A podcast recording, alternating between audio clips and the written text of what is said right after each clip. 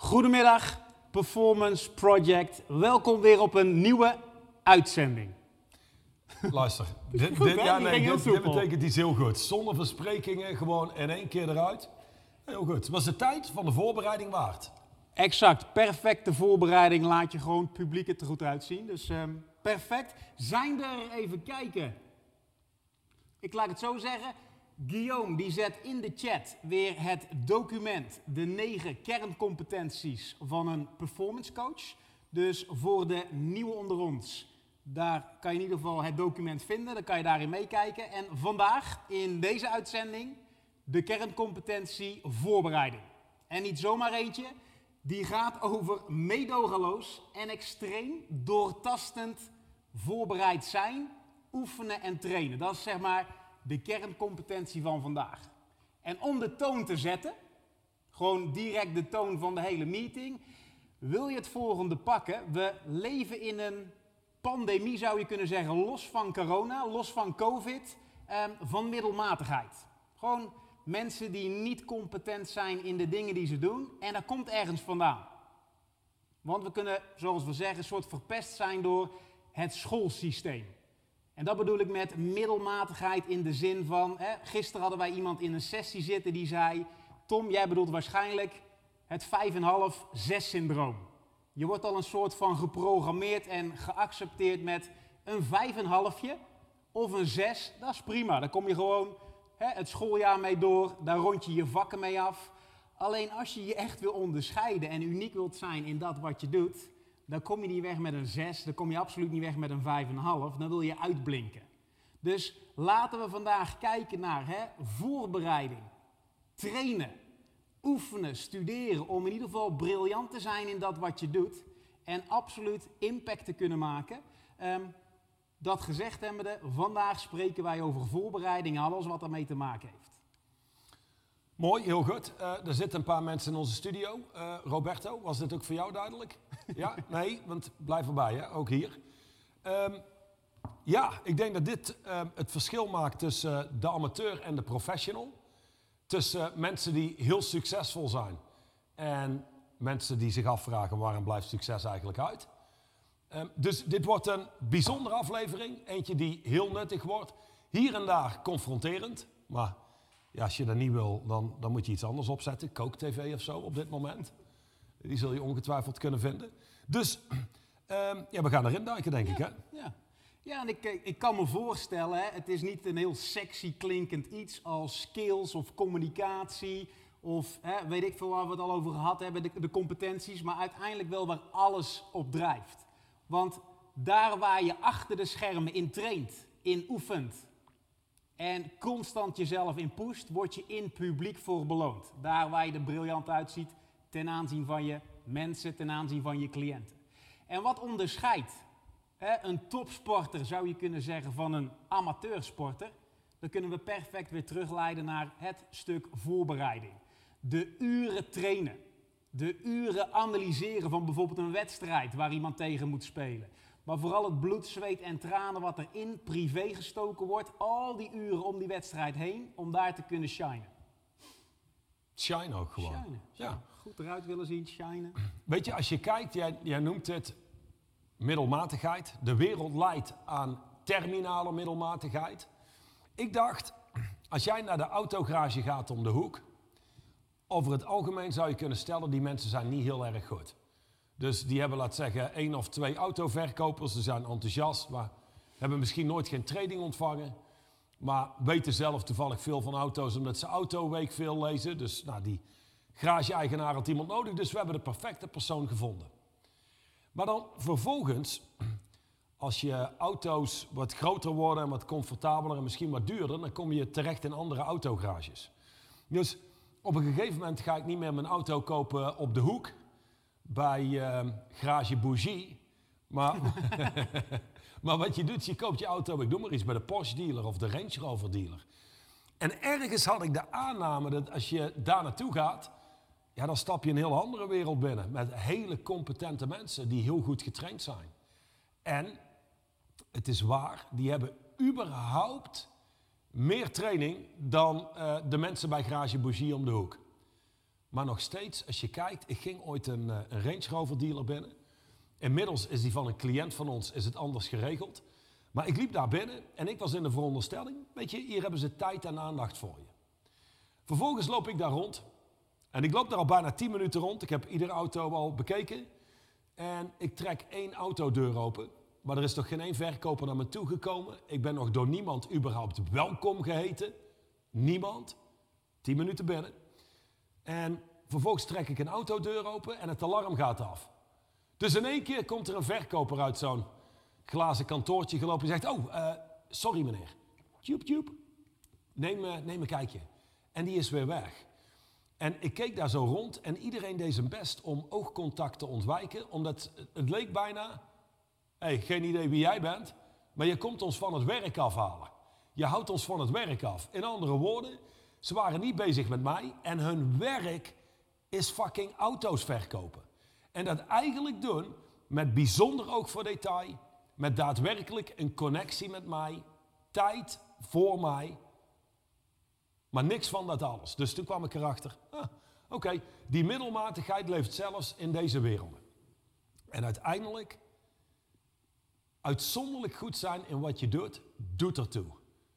Is om het met een mooi woord te zeggen, fucking belangrijk. Als jij namelijk naar een tandarts gaat en je bent net nieuw in, een, uh, in je dorp komen wonen, dan vraag je, heb jij nog een goede tandarts? Hetgene wat de meeste mensen niet vragen is, heb jij nog een goedkope tandarts? Nee, ken jij nog een goede tandarts? Ken je nog een goede kapper? Ken jij nog dit, ken je nog dat? Ik heb een huisarts nodig. Heb jij nog een goede huisarts? En we leven in een wereld van terminale middelmatigheid, wat gebouwd wordt inderdaad in het schoolsysteem. Een 5,5 is goed genoeg.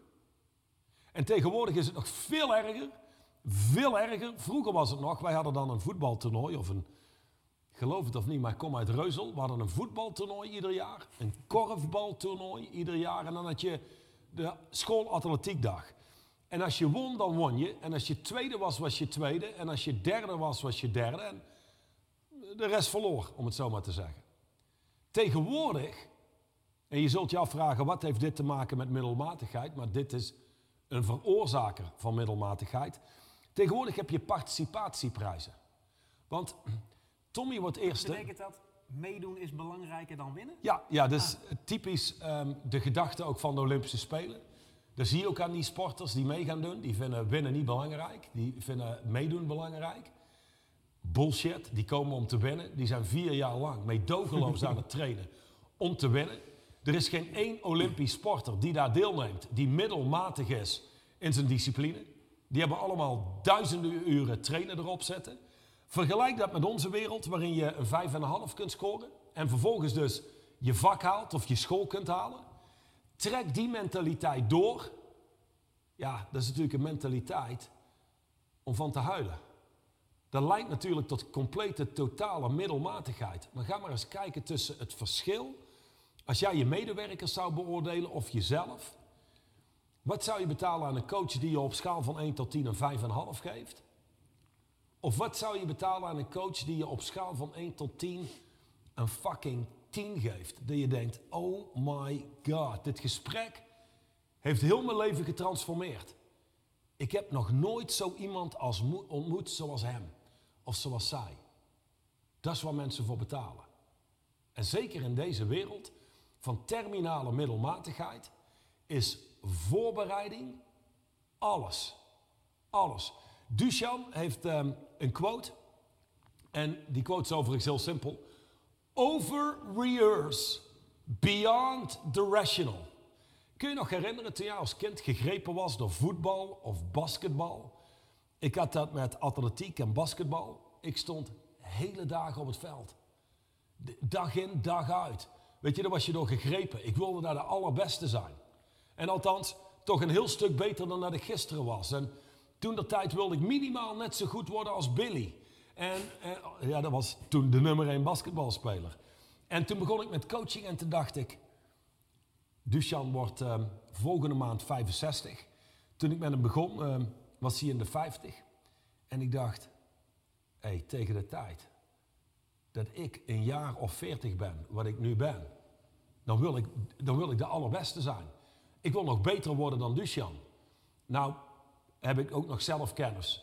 Die man heeft 30 jaar meer ervaring. Dus eh, ik kan gigantisch veel van hem leren. En hoe meer ik leer, hoe meer ik zie wat er nog te leren valt.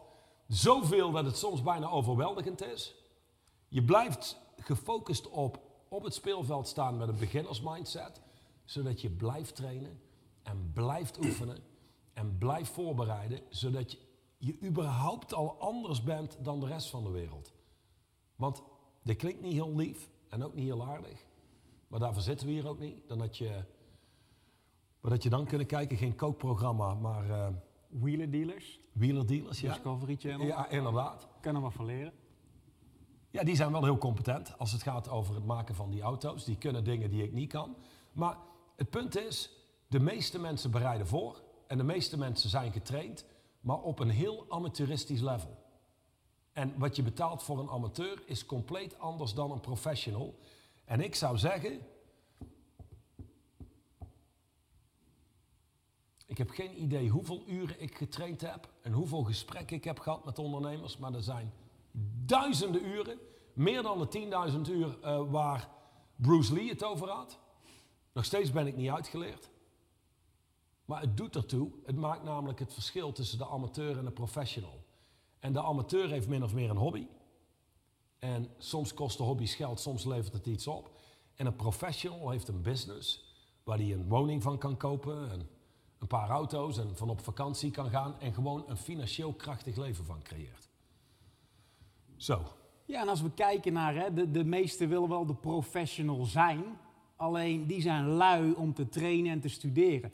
Briljant voorbeeld. Ik heb die, uh, ik wilde die man zeggen, best oneerbiedig die man. Maar als je kijkt naar Michael Jordan en de, de, de serie die op Netflix staat. Hm. Er zijn weinig mensen hè, die weten deze dingen die ik zo ga delen van Michael Jordan. Die denken, oh, die is daar in één keer.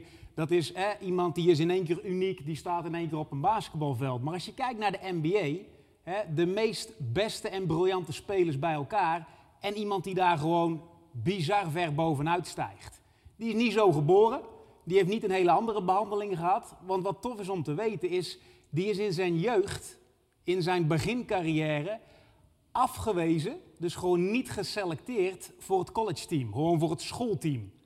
En op dat moment heeft hij een of andere beslissing genomen, een, een behoorlijke deuk gekregen in zijn imago. En is hij de hele boel om gaan gooien. Die is gaan trainen. Die stond nachtenlang op pleintjes. Die is allerlei dingen gaan doen om het jaar daarop wel in die selectie te komen. En als je verder gaat kijken en verder gaat analyseren, dat is iemand die voor iedere training, waar alle beste spelers van deze planeet staan, vrije worp aan het oefenen is. Duizenden keren vanuit dezelfde positie. Uh, skills aan het doen is, terwijl die al briljant is. Dan hebben ze een hele intensieve training met het team. De rest gaat pleiten, die gaat douchen, die zit in de kleedkamer. En hij gaat het krachthonk in. Sterker worden, fysieker worden. Die springt met kop en schouders boven mensen uit. Dat is het verschil tussen iemand die gewoon, laten we kunnen zeggen, de driven is, vorige week. Hè, die uit een heel ander stuk hout gesneden is, maar het zit hem in voorbereiding. Hij analyseert zijn verdediger urenlang. Hoe kan ik daar langs gaan? Hoe kan ik hier omheen bewegen? Waar zitten de zwakke punten? Hoe kan ik nog scherper zijn in allebei mijn handen gewoon even goed te trainen met schieten en dribbelen? Daar zit alleen maar uren, uren, uren en meters in ten aanzien van de amateur. Ik heb een goed voorbeeld voor een coach, wat je zou kunnen en uiteindelijk zou willen trainen. Dus als coach moet je überhaupt kunnen luisteren. En wat betekent luisteren in dit geval? Wij doelen op krachtig luisteren.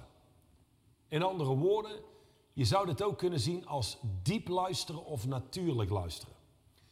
Zoals sommigen van jullie weten, aangezien we dat met bijvoorbeeld Channel getraind hebben, met een aantal anderen van jullie, um, is, er zijn bepaalde oefeningen om dat te trainen. Om überhaupt op te merken dat als jij luistert naar iemand, er ondertussen een actieve interpretatie gaande is. Dus ik ben in gesprek met Tommy en Tommy zegt, ja, ik heb een moeilijke week, uh, het is allemaal nogal pittig en uh, ik, ik, moest vanmorgen ook het vuilnis buiten zetten. En ah, toen was ik eigenlijk al kapot toen ik, toen ik daarmee klaar was. En de hele dag gewoon moeten werken met dit weer. Oh ja, oh, dit weer ook nog. En, en dus heb ik ergens een gesprek in mijn hoofd als hij zoiets zou zeggen. What the fuck, was er mis met Tommy? Jezus, eh, sinds wanneer is hij zo zwak? Doe die vuilniszak vervangen en leef, leef de rest van je dag krachtig. Maar er zit zo'n stem in mijn hoofd die de hele tijd oordeelt, spreekt tegen me. Die spreekt over wat er daar gaande is, over wat ik opmerk bij Tommy.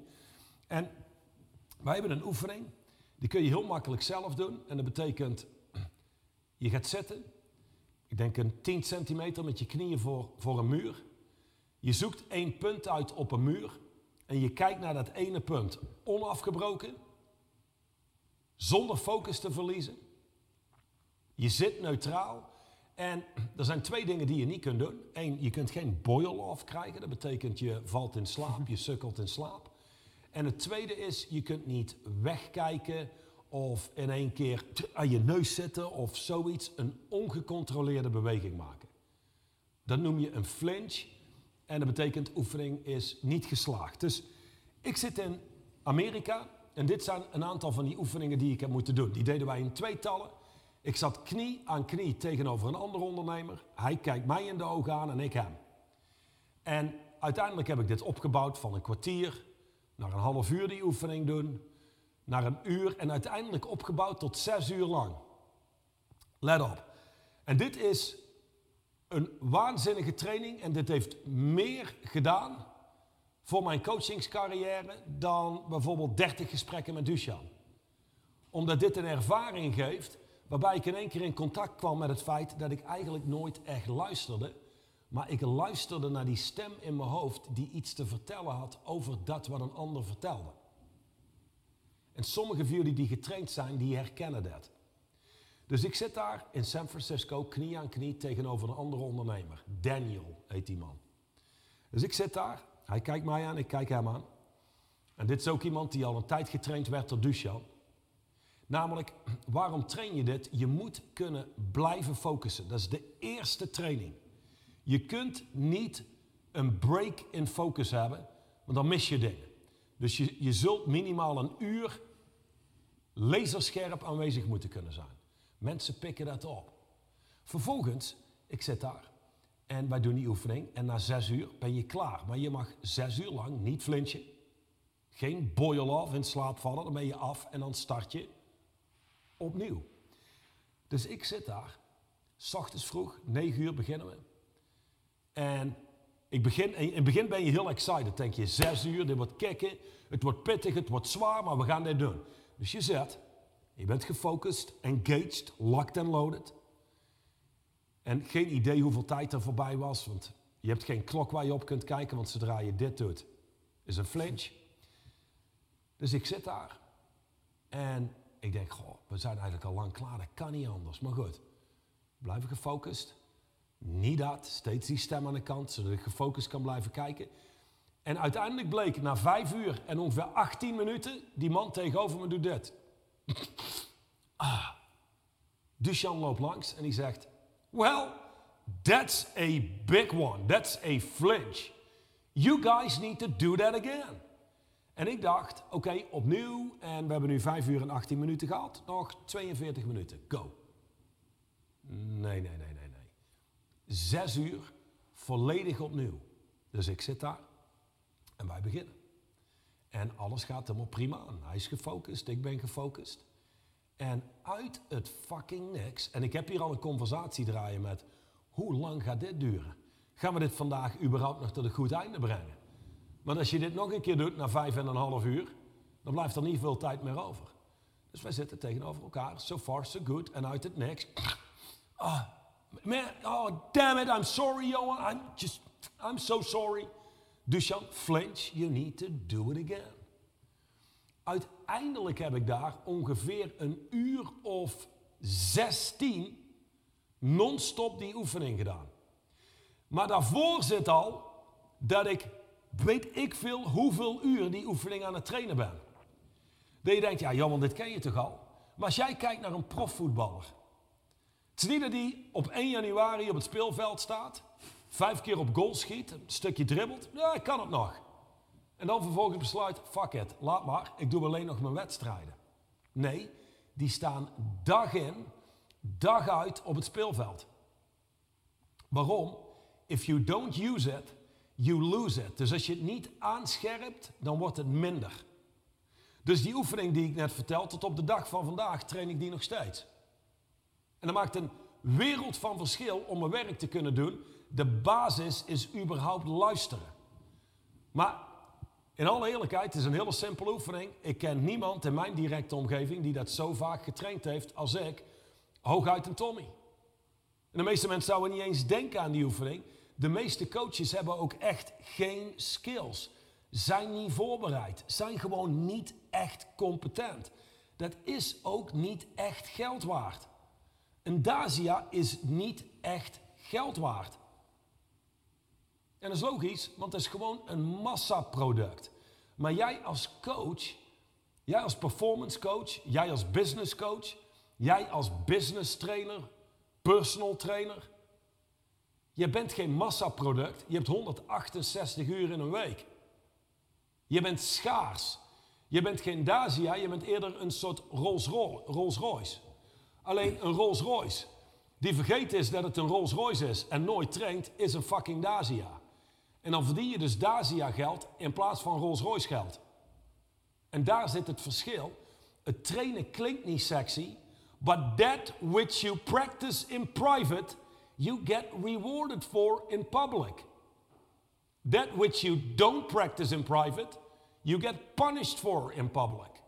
En dat zou hier betekenen dat Tom en ik elkaar aankijken, soort van, nee, jij bent. Nee, nee, jij had hopelijk nog iets te zeggen, want ik heb geen flauw idee meer wat ik wilde doen. Dus ik wil op je inhameren, want dit is gewoon belangrijk, dat training is alles. Kijk eens naar het leven van een topsporter. Hoeveel van zijn leven is wedstrijd spelen? Hoeveel van zijn wereld is trainen en competenter zijn? Waarom zijn Messi en Ronaldo de bekendste voetballers op aarde? Niet omdat ze het beste te vermarkten zijn, niet omdat ze het leukste zijn of het aardigste zijn, maar het meest competent. Meest competent. Beide zullen zeggen, het heeft niks te maken met talent of aanleg. Want daarmee word je nooit zo goed als dat zij zijn. Dit is puur training. De meeste mensen hebben niet het uithoudingsvermogen of het besef dat het belangrijk is om dit soort zaken te trainen. Terug naar de studio, terug naar Tom. Ja, jij zegt me net, uh, net eentje, dat doet me denken aan iemand in het verleden die, uh, die in een programma heeft gezeten. En als het erom ging, dan gaf hij altijd aan van, nee, nee, nee, maar, maar dan sta ik er ook echt. En dan doe ik echt wat ik moet doen. Hmm. De, de oefeningen die ik meekrijg van jullie en het studeren en het trainen. Ja, dat is training hè Tom. Uh, dat doen we gewoon een beetje zus en een beetje zo. Maar dan sta ik er ook echt. hey, dat is wellicht één uur waar je moet presteren. Waar al die andere uren zeg maar het effect moeten geven op dat uur. Jij zegt net die 168 uur. We hebben het in het verleden gehad, in het verleden aantal weken terug, over de competentie en het impact kunnen maken. Niet de hoeveelheid, maar de impact die je kunt maken in dat ene uur.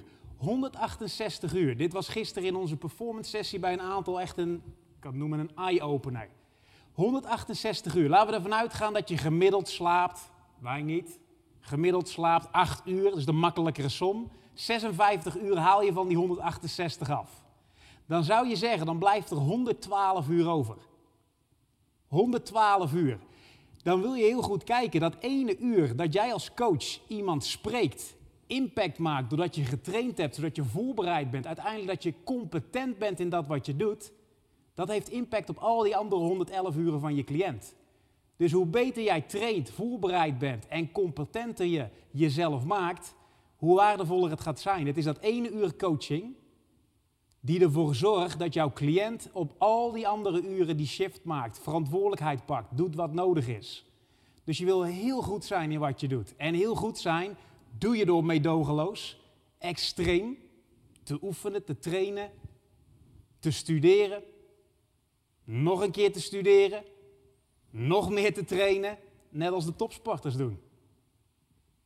Ja, weet je, als je gaat kijken, wat moet een, uh, een profvoetballer kunnen?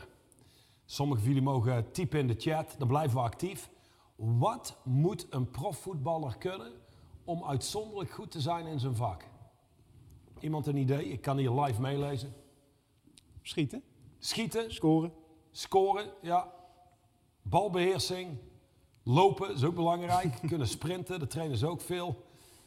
Frankie, winnen, ja, dat is een gevolg van een goede conditie, spelinzicht, focus.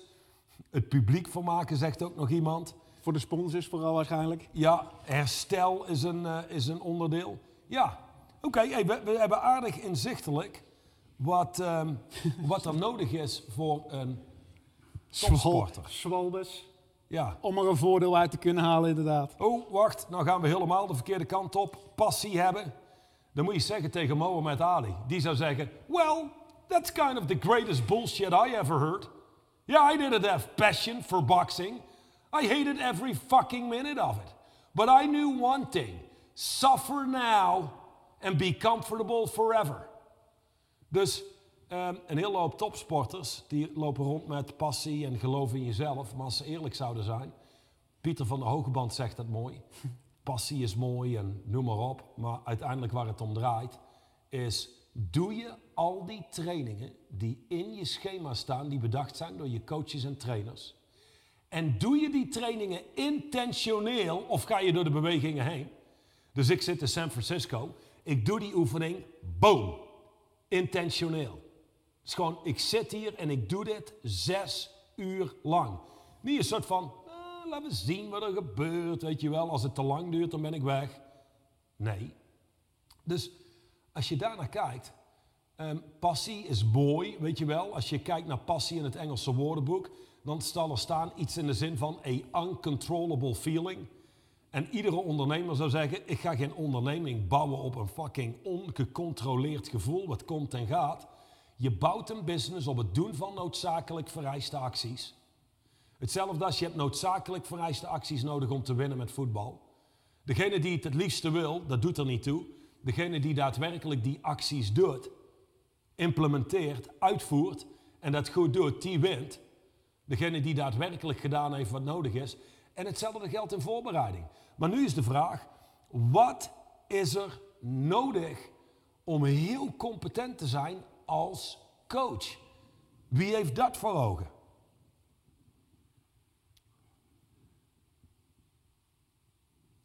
En wat je nodig hebt als coach is geen commitment en training is heel oppervlakkig. Weet je, want wat gaan we trainen? Wat gaan we trainen? Welke kennis? Welke vaardigheden? Wat bedoelen we met communicatieve vaardigheden? Eén ding. Weet je wat een coach überhaupt moet doen? Specifiek kunnen zijn en überhaupt achterhalen.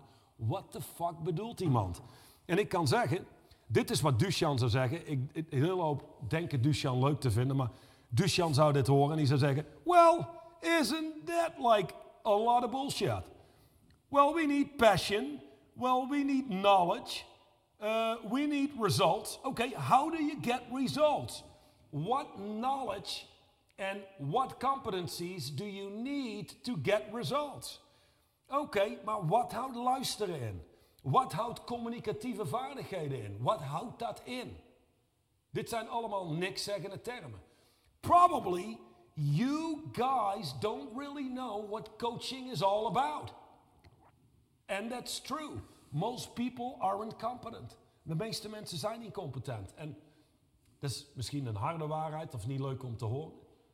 Maar er zijn maar weinig coaches die weten wat coaching werkelijk inhoudt. Hier zegt iemand, kunnen coachen waar iemand vandaan komt. Oké, maar waar de fuck horen we dat aan? Hoe weet ik nou wie de ander is? Een coach is briljant in luisteren. Wat betekent dat? Ik zal het uiteenzetten. Dat betekent op het moment als je luistert naar iemand, er is altijd een interne dialoog gaande die iets te zeggen heeft over wat er daar gaande is. Degene die nu luisteren en denken, dat heb ik niet, jullie zitten zo in je hoofd en zo in een conversatie met jezelf, dat je het niet meer opmerkt. Een echte coach merkt op wat zijn conversaties zijn, haar conversaties zijn, zet dat aan de kant en die luisteren vanuit niets. Een compleet neutraal luisteren, zodat je daadwerkelijk recreëert wat een ander zegt. Niet wat jij denkt dat een ander zegt of denkt te begrijpen wat een ander zegt. Dus in andere woorden, in werkelijk coaching zou je zeggen, de ander wordt transparant.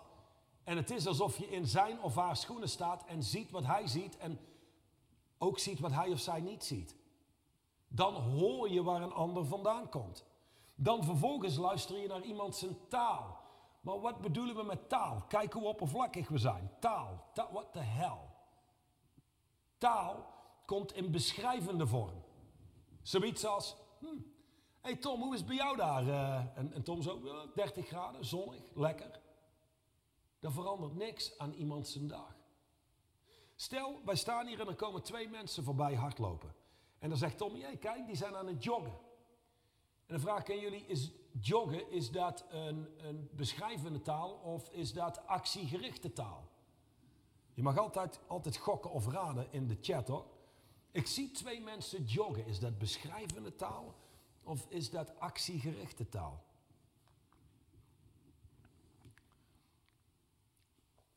Beschrijvend. Wat is actiegerichte taal? Kom eens met een voorbeeld van actiegerichte taal.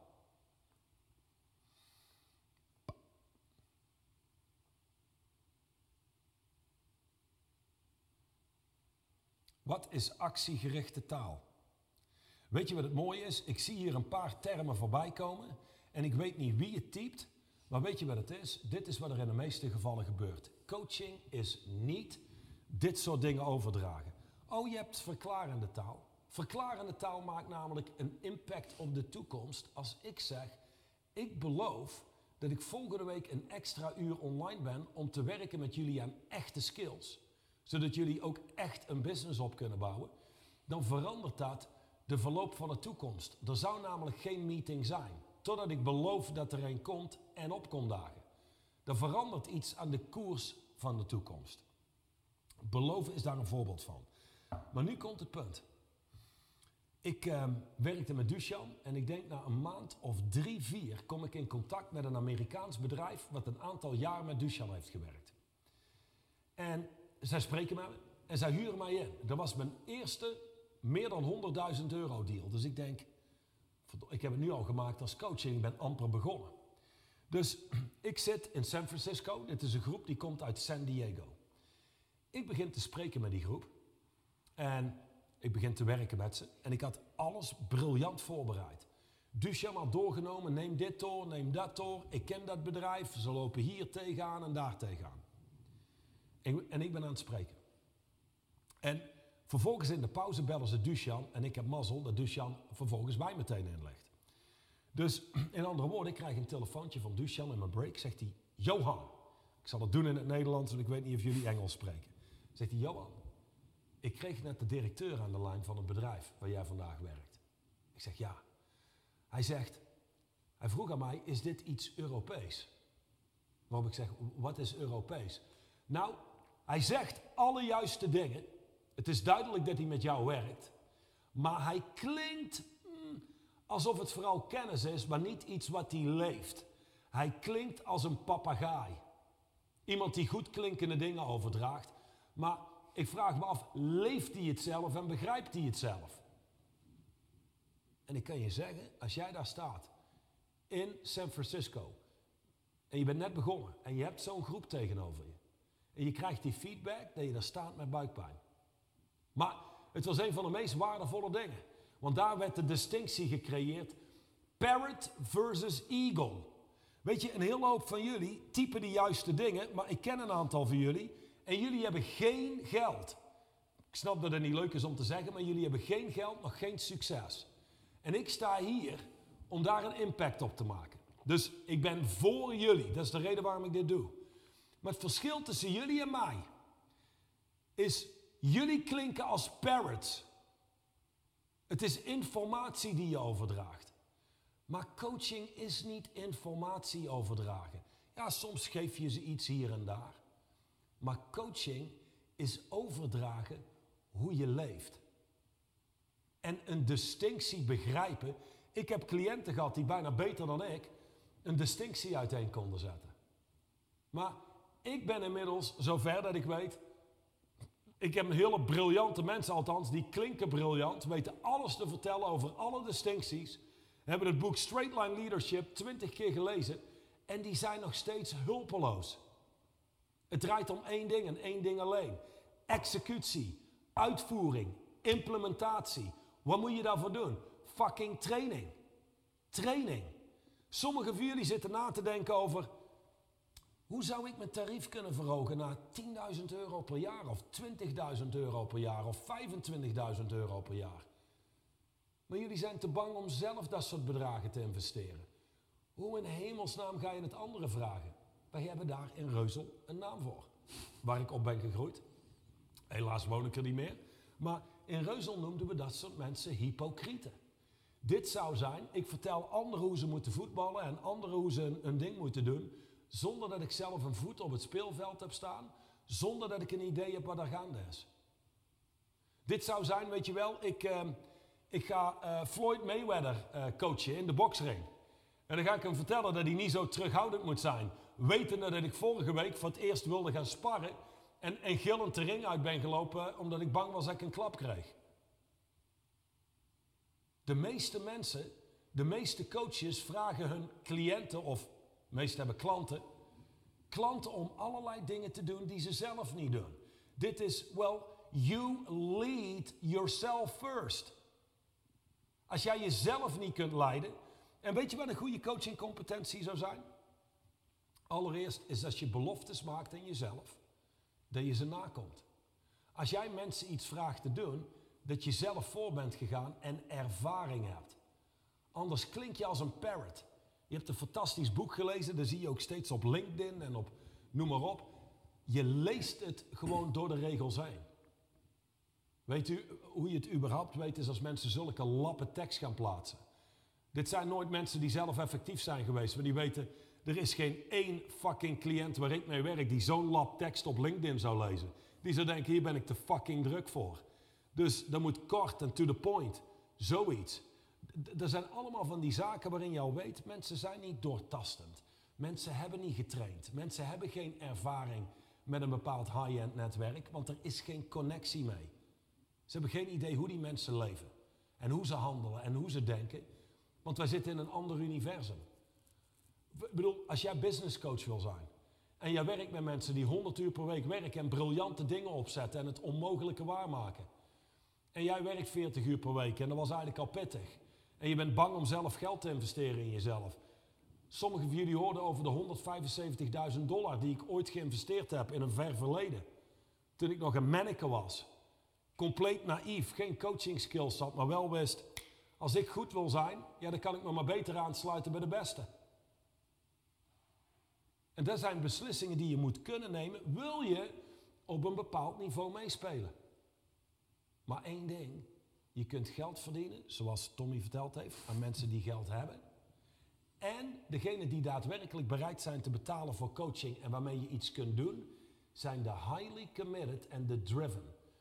En om een echte business op te starten heb je vaak tonnen nodig. Tonnen.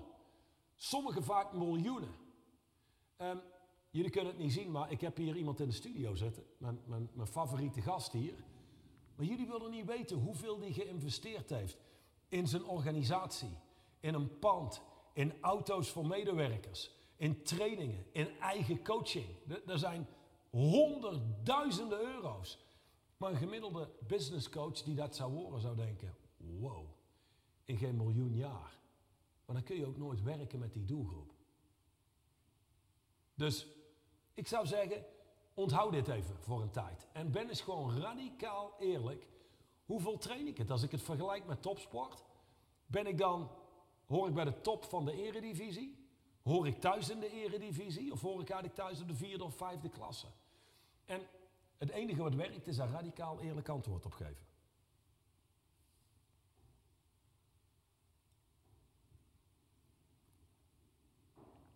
Hoertjes hebben klanten. Dat klopt. Maar high-end hoeren hebben cliënten. Wederkerende cliënten. Um, en daarnaast, um, ja, die, de meeste hoertjes hebben ook niet zo heel veel competenties, denk ik. Ze vrij makkelijk uit te oefenen beroep.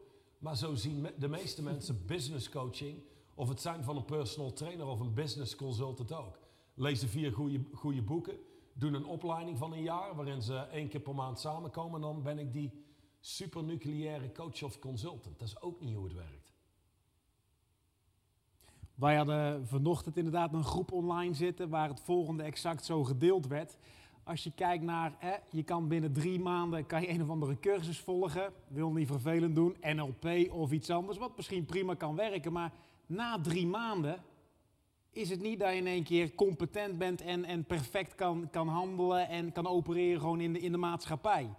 Je wil constant zien een ongoing process. Je kan jezelf elke keer naar het volgende level brengen door daarin te investeren, door jezelf voor te bereiden, door te trainen. En waar we al vaker over hebben gesproken, je cliënteel, hè, de mensen waar, waar jij mee werkt, is een ja, kopie of een aftreksel van wie jij bent. Dus hoe krachtiger jij bent, hoe meer jij jezelf ontwikkelt, hoe meer je kan brengen, hoe meer je kan bijdragen aan de mensen waar je mee werkt. Dat zit hem in voorbereiding, dat zit hem in investeren in jezelf, dat zit hem in studeren. Dus het zou gek zijn als jij coacht, als jij iemand traint en je hebt zelf geen coach. Ook jij hebt blinde vlekken, ook jij kan constant dingen naar het volgende level brengen. Dus dat bedoel ik ook met die middelmatige maatschappij. We doen een cursus, een opleiding en we denken er te zijn. Dat gaat niet in, in, in de Champions League, dat gaat niet in de NBA. Weet je wat het is met coaching? Dat zou hetzelfde zijn als een tandarts of een chirurg. En ik heb Duchan er wel eens over horen spreken. Most coaches are just plain unethical. Een coach die heeft veel invloed op het leven van iemand. En als jij niet competent bent, en dan zul je eigenlijk zien, en dit heb ik trouwens heel vaak zien gebeuren, mensen huren een coach in en een jaar later zijn ze slechter af in plaats van beter. Hebben ze veel meer belemmerende overtuigingen en een kleinere wereld en allerlei goed klinkende theorieën die ze, in geen miljoen jaar leven. Dus competent zijn als coach is fucking belangrijk. En merk op dat we geen één keer hebben gezegd: huur ons in, huur ons in. Nee, huur iemand in waarvan jij denkt die kan ons echt verder helpen. Dat is belangrijk. Dat is überhaupt de reden waarom we hier staan. En eerlijk gezegd, Tom mijn vrouw, Mandy, die zegt: wij moeten iets gaan opzetten voor coaches. Want als ik ga kijken, coaching is een, een vakgebied. Want je kunt al mijn één op één cliënten vragen. Die hebben een leven voordat ik met ze werk en een leven nadat ik met ze werk. Een leven met meer vrijheid, meer ruimte en meer power. Dat is wat een coach kan doen. Maar tegelijkertijd zijn er weinig echte coachopleidingen. Als het gaat over certificeringen, met alle respect, maar ze mogen me altijd aanvallen, ik heb daar geen moeite mee. Maar dan denk ik, wie de fuck zijn die mensen die mensen certificeren? Jullie hebben geen idee. Dit is gewoon een lucratief businessmodel. Wij geven jullie een certificaat. Jullie betalen ons daarvoor, maar je kunt nog steeds niks. Maar je kunt wel op LinkedIn zetten. Je hebt een certificaat. Betekent niks. De meesten zijn nog steeds hulpeloos. Dus er moet iets zijn waarbij mensen terecht kunnen voor gewoon oprechte coaching skills. Dat is het commitment hier. Nu, dat gezegd hebben. Kom eens met een vraag waar je echt iets aan hebt waar Tom en ik op kunnen antwoorden. We hebben nog 17 minuten. We hebben nog 40 uur aan stof hier uh, op papier staan. Maar ik doe liever iets waar jullie echt helpt. Want het komt vandaag een beetje over alsof ik uh, agressief. agressief en zagrijnig ben. Maar dat doe ik om een standpunt in te nemen voor jullie. Om over te dragen hoe belangrijk training is. Want ik denk als de meesten eerlijk zijn die niet nu in een opleiding of cursus zitten, of we laten dit uur buiten beschouwing, die nauwelijks iets doen aan training. Maar vergelijk het met topsport, dan zou je denken, dat is van de pot gerukt. Want om goed te worden zul je moeten trainen.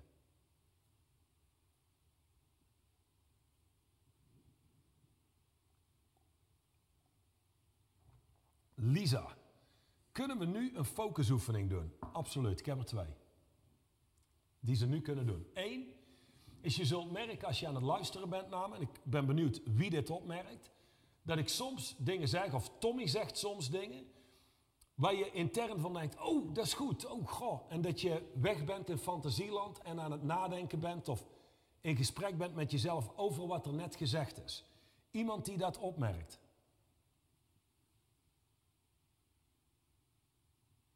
Oké. Een hele hoop mensen zeggen, hey, Bart die zegt check. Is dat mijn Bart? Bart, de, mijn personal trainer Bart? Ben ik dan benieuwd naar. Ah, nee, mijn Bart. Oké, jouw Bart. Ja, heel goed, heel goed. Oké, ehm, één ding. Vroeger zou dit klinken als een aanval. Nu ik langer in jullie stof zit, klinkt het als een nieuwe mogelijkheid om te zijn. Geen vraag. Wel bedankt voor deze keiharde feedback. Haha. Ja, waarom zouden mensen beledigd zijn overigens? En dit is meteen al een vorm van coaching. Niet door wat ik zeg. Want als het zou zitten in wat ik zeg, zou iedereen beledigd moeten zijn online. Alleen, ja, we zien al, Virgil is niet beledigd. Hoe kan het dan zijn dat anderen wel beledigd zijn? Door de conversatie die ze hebben met zichzelf over wat ik zeg. Hoe raar het klinkt, maar een coach moet weten dat een ander kan jou nooit beledigen. Vroeger in de echte coaching seminars in de jaren 70 kwamen sommige van die trainers naar beneden lopen. En nog voordat ze op het podium stonden, hadden ze het hele publiek al uitgemaakt voor assholes. En dan vervolgens was er altijd wel iemand die stak zijn hand op en dat was ook het idee. Well, that's disrespectful, you calling me an asshole. No, you asshole, it isn't disrespectful. That's what you made of it. You made that up in your head. I just told you you are assholes. It doesn't mean anything. But you made it mean I'm offended and you can do that. But if you look at that guy over there, you know, he's laughing his ass off and he's having a great time. So my creation is you're an asshole. What you made out of that in your own head, well, that's yours. Dus, hele goede Virgil. Um, ja, soms moet feedback wat direct zijn, willen we het goed kunnen horen. Um, Lisa, terug naar de focusoefening, want je hebt die gevraagd. Ja, twee dingen. Dus één, haal je aandacht steeds terug naar de woorden die uit mijn mond komen of de woorden die uit Tommy's mond komen. En iedere keer als je opmerkt dat je weg bent in fantasieland en tijd doorbrengt hier in je hoofd, shift en kom weer terug naar de meeting. Dat is één ding wat al mijn cliënten zullen doen. En die trainen dit in meetings waar ze in zitten. Die kunnen dit met een oefening thuis trainen, letterlijk met een stoel, kijkend naar een punt. Zetten ze een timer van 15 of 30 minuten, dat ze gewoon hun kracht van concentratie leren vergroten. Dus net als een spier. Dat is oefening, oefening 1. Wel denk ik een belangrijke aantekening. Wij hebben afgelopen weekend een communicatietraining gegeven, waar dit een van de basisoefeningen is. Je wil niet gaan staren. Het is heel makkelijk om in één keer een soort van staaroefening te gaan doen en gewoon uitgecheckt naar dat puntje op de muur te kijken. Wat Johan net aangeeft, is het elke keer opnieuw creëren van die focus. Niet denken, doe ik het goed of waar is dit voor, maar het is bewust je elke keer terughalen in plaats van dat je spaced out zit te staren en dan je denkt, oh, dat was de timer, we zijn er. Ja, ja, als het is, oh, ik was helemaal even in een andere wereld en goh, wat vloog de tijd voorbij, dan ben je inderdaad niet de oefening aan het doen. um, waarom is dit zo belangrijk? Um, en dit is trouwens het tweede wat je kan doen, Lisa. Luister deze meeting vanuit de focus alsof ik het direct heb tegen jou en over jou. En wie weet, een deel wat ik zeg is helemaal niet relevant en dat kun je uiteindelijk negeren. Maar je zult merken als je vanuit die focus luistert, haal je veel meer uit de meeting. Als je naar mij luistert als zijnde, oh ik ben benieuwd wat hij zegt en wie weet is er iets bruikbaars, dan houden we het op afstand. Op het moment, als jij kunt luisteren vanuit dit is bedoeld voor mij. Hij zegt dit voor mij. En je kijkt naar en je luistert naar wat kan ik hiermee? En waar zie ik dit terug in mijn leven? Waar zie ik dat ik niet goed voorbereid ben? Waar zie ik dat ik middelmatigheid uh, be, bezet? Of iets middelmatigs doe? Je zult, als je zo luistert, tien keer meer uit deze meetings kunnen halen. Er zijn de twee, twee focusoefeningen. Waarom is focus zo belangrijk? We kennen tegenwoordig de demonstraties van de zogenaamde wappies die gaan demonstreren. Uh, waar ik veel respect voor heb trouwens, voor die demonstranten. Niet voor degenen die al die uh, oproer veroorzaken, maar wel voor mensen die daadwerkelijk opkomen voor niks anders dan simpele mensenrechten. En die staan daar. En vervolgens zitten er altijd van die uh, oproerders bij die de hele boel opstoken en, en het escaleert. Dan zetten ze een waterkanon in. Dan zag ik een video um, uit Eindhoven. En waarin dat, en sommigen van jullie hebben het gezien, Waar ze met een waterkanon spuiten tegen een dame aan. Die wordt tegen een betonnen wand aangegooid en heeft een schedelbasisfractuur en ik geloof 17 hechtingen. Dus dat waterkanon heeft een enorme hoeveelheid water. Wat uiteindelijk door een hele smalle lans moet en er gefocust uitkomt. Nou ken ik een coach in Amerika en die zou dit doen. De eerste meeting dat je daar komt, heeft hij het met je over focus. En die zit tegenover je en een sessie duurt twee uur en die kijkt je twee uur als een laser aan. Waarschijnlijk voelt het heel ongemakkelijk. En het brengt allerlei dingen omhoog. Dan als hij ziet dat je steeds wegkijkt en soort van in gesprek bent met jezelf en niet meer gefocust bent op hem, dan neemt hij je mee naar buiten. Hij woont in de buurt van de woestijn. En dan pakt hij een vergrootglas. En dan pakt hij je hand vast, maar, of je pols, en echt stevig. En dan vervolgens pakt hij het vergrootglas en de zon laat hij zo schijnen dat het een punt vormt op je hand. En je wil je hand wegtrekken, maar je houdt je hand vast en het begint echt te branden. En als het echt pijn doet, dan laat hij los. En dan zou hij je dit zeggen. Het eerste wat jij moet kunnen als coach, als ondernemer en als mens, is leren focussen. Namelijk, de meeste mensen die verdelen hun aandacht, die sprayen. Dit zou zijn, de politie die boezemt behoorlijk wat angst in met zo'n waterkanon en de, kanon spuit mensen weg. Maar als wij diezelfde hoeveelheid water als volgt zouden inzetten. Er komt niet zo'n waterkanon aanrijden, maar een Engelse touringcarbus.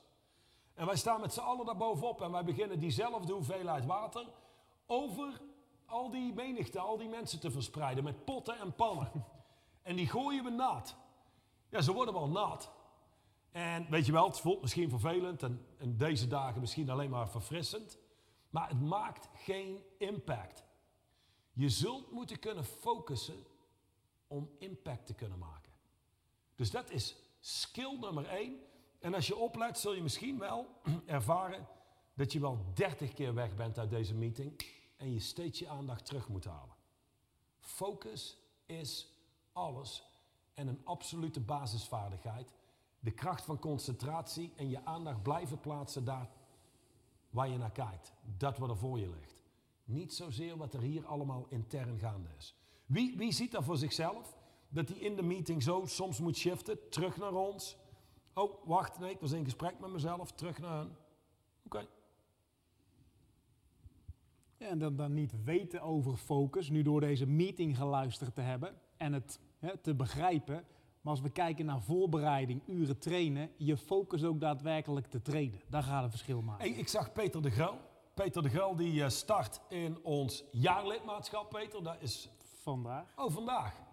Peter, gefeliciteerd. En je kunt gewoon werken met Duchamp. Dus ik heb een vraag aan Peter. Um, zoiets simpels als, en het ziet er simpel uit voor een leek, een squat.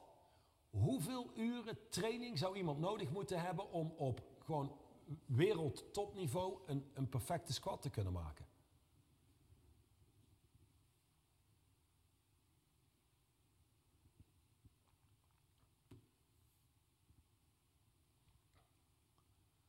Peter zegt, goede vraag, 10.000 uur. Ja, is jouw ervaring niet dat, laat ik zo zeggen, ik werk al jarenlang met dezelfde personal trainer. Dus die heeft in de afgelopen jaren een vooruitgang gezien en ik werk daar heel consistent mee. Maar als je, hoe meer ik weet van personal training, hoe meer ik weet van die oefeningen en mijn lichaam, hoe meer ik zie hoe complex bepaalde oefeningen zijn. En als je ze beheert, worden ze simpeler overigens. Maar zoiets als een squat, voordat je die echt heel goed maakt, heb je overigens te maken met flexibiliteit, wat je misschien moet vergroten. Bepaalde spierkracht die je moet vergroten. Je zult focus moeten hebben op een aantal zaken die je onder controle houdt, zoals stand van je knieën, stand van je heup, stand van je rug, borst, dat soort zaken. Zoiets simpels als een squat en gewoon één single beweging, zoals een squat, om hem perfect uit te voeren, dat eist al duizenden uren training. Afhankelijk van het niveau wat je wil bereiken. Dus laat staan zoiets als performance coaching. Of business coaching, waarin je daadwerkelijk competent moet zijn in business. In het werken met mensen, in relaties, teams, processen, dat soort zaken. Dus je kunt je voorstellen Hoe beter je wordt, hoe meer training het vereist. Dus als dat punt erin zit, dan zijn we al heel lang blij. Of al heel lang, dan zijn we gewoon blij. Waarom? Omdat het belangrijk is om dit te beseffen, om goed te worden in je vak. En coaches kunnen gigantische impact maken, of niet, wordt bepaald door de persoon zelf en zijn of haar voorbereiding. Goed, iemand nog een vraag? Stel hem in de chat. Nu kan het nog. Ik ben even aan het kijken wat er verder nog staat op ons formulier. Wat wij eh, nog, nog door te nemen hebben. Maar goed, komen we toch niet meer aan toe. Iemand nog een vraag? En een vraag kan ook zijn, voor degenen die geen vraag hebben. Wat zou bijzonder waardevol zijn om volgende week door te nemen? Of in een van de toekomstige weken? Dat mag je ons ook laten weten, want dan gaan we exact daarop in.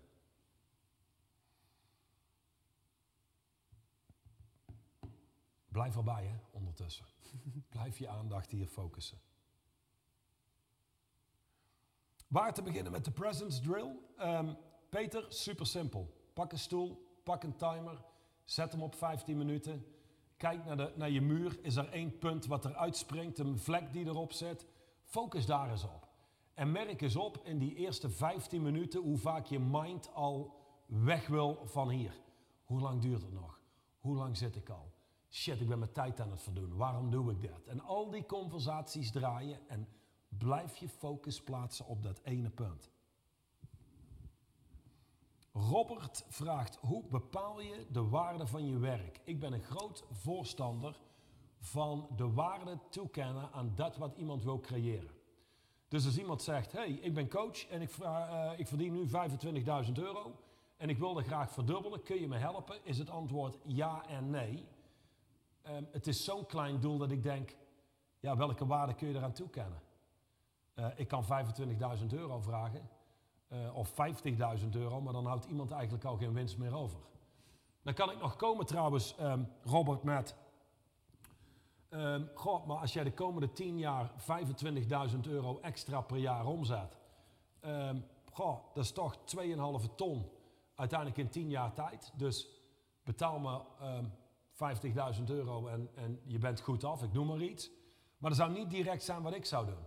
Uh, als ik een cliënt heb die zegt, weet je Johan, ik heb 200 medewerkers, wij doen 110 miljoen met 12 miljoen winst. Wij willen in drie jaar tijd verdubbelen. En je kijkt dan naar, wat zijn de uitdagingen waar ze tegenaan lopen en waar bevinden ze zich nu? En dan kun je daar een bepaalde waarde aan toekennen. En daar zou 150.000 euro voor een jaar coaching totaal niet misplaatst zijn. Mits je echt weet wat je doet en heel competent bent. Dus mits je weet, ja, die 150.000 euro, ja, die ga ik ze ook echt minimaal 10 keer terug laten verdienen. En coaching, als jij een vermogensbeheerder hebt en je zegt, hé, hey, als ik ergens nou geld in investeer, wat is een goed rendement? Dan zeggen ze, goh, tussen de, tegenwoordig overigens al, tussen de 5 en de 15 procent. Eigenlijk alles meer dan 15 procent moet je eigenlijk wantrouwen. Want dat is wel heel veel rendement. Dan heb je uh, zaken waar wat meer risico aan vastzit, waar je soms 20% rendement kunt halen. Maar zoals bij coaching, factor maal 10. Iedere investeerder zou zeggen, hey, ik weet niet wie dat is en wat hij doet met je, maar dat moet je blijven doen, want dat vind je nergens. Dus coaching is een daadwerkelijke investering. Maar het probleem is overigens dat veel mensen niet in staat zijn om dat te laten zien. Waardoor mensen het zien als kosten. En ze zijn gefocust op wat het ze kost in plaats van wat het ze oplevert. Dus dat zullen jullie moeten doen. Voor het volgende keer het trainen en het niet laten leiden door je reptiele brein. Hoe ga je om met cliënten die aangeven commitment te hebben, maar hier niet naar handelen? In andere woorden, dus ook niet hebben. Feedback geven, dat dat niet jouw ervaring is. Dat is sowieso een belangrijke. Kritisch naar jezelf kijken en dan hoe uit je comfortzone te komen. Oké, op basis van deze vragen weet ik al waaraan te werken. En het heeft alles te maken met die stem in ons hoofd. En ik denk dat we teruggaan naar de vraag van Lisa. Is hè, als je de recordings, wilde ik zeggen, de opnames terugluistert. Uh, brutaal eerlijk zijn. En competentie financieel welzijn. En je luistert met focus om er echt iets uit te halen. Um, Jack, dat zou ook al wel echt antwoord kunnen geven op je vraag. Dus wellicht heb je hier nu gezeten of haak je wat later in. Ik zou absoluut verzoeken, we hebben tot nu toe zeven kerncompetenties behandeld en uitgediept. Als je die nog eens een keer luistert, maar dan wel vanuit focus en de intentie er iets uit te halen, dan gaat er alweer een wereld voor je open. Dus daar zit sowieso voldoende waarde nog in. Ehm, deze cycle, hè, we zitten nu op de zevende competentie. Dat betekent we hebben er nog twee te gaan in de komende twee donderdagen. Dan krijgt dit een andere invulling. En dan krijgt hij vanuit daar weer een andere invulling inderdaad. Maar hey, die dingen terugluisteren, dat gaat sowieso ook veel goeds voor je doen. Als je er inderdaad op, op, op komt dagen om eruit te leren en om die dingen eruit te pakken en daadwerkelijk toe te passen. Ehm, ik zie dat het vier uur is. Ja, Johan en Tommy, bedankt. maak de vuilniszak niet groter dan hij is. Gedaan. plakken er geen verhaal op, wij gaan het gewoon doen. Dankjewel. En volgende week zijn we weer paraat. Oh, oh, wacht, wacht, wacht. En Ralf, ik stuur je straks een berichtje. Salut.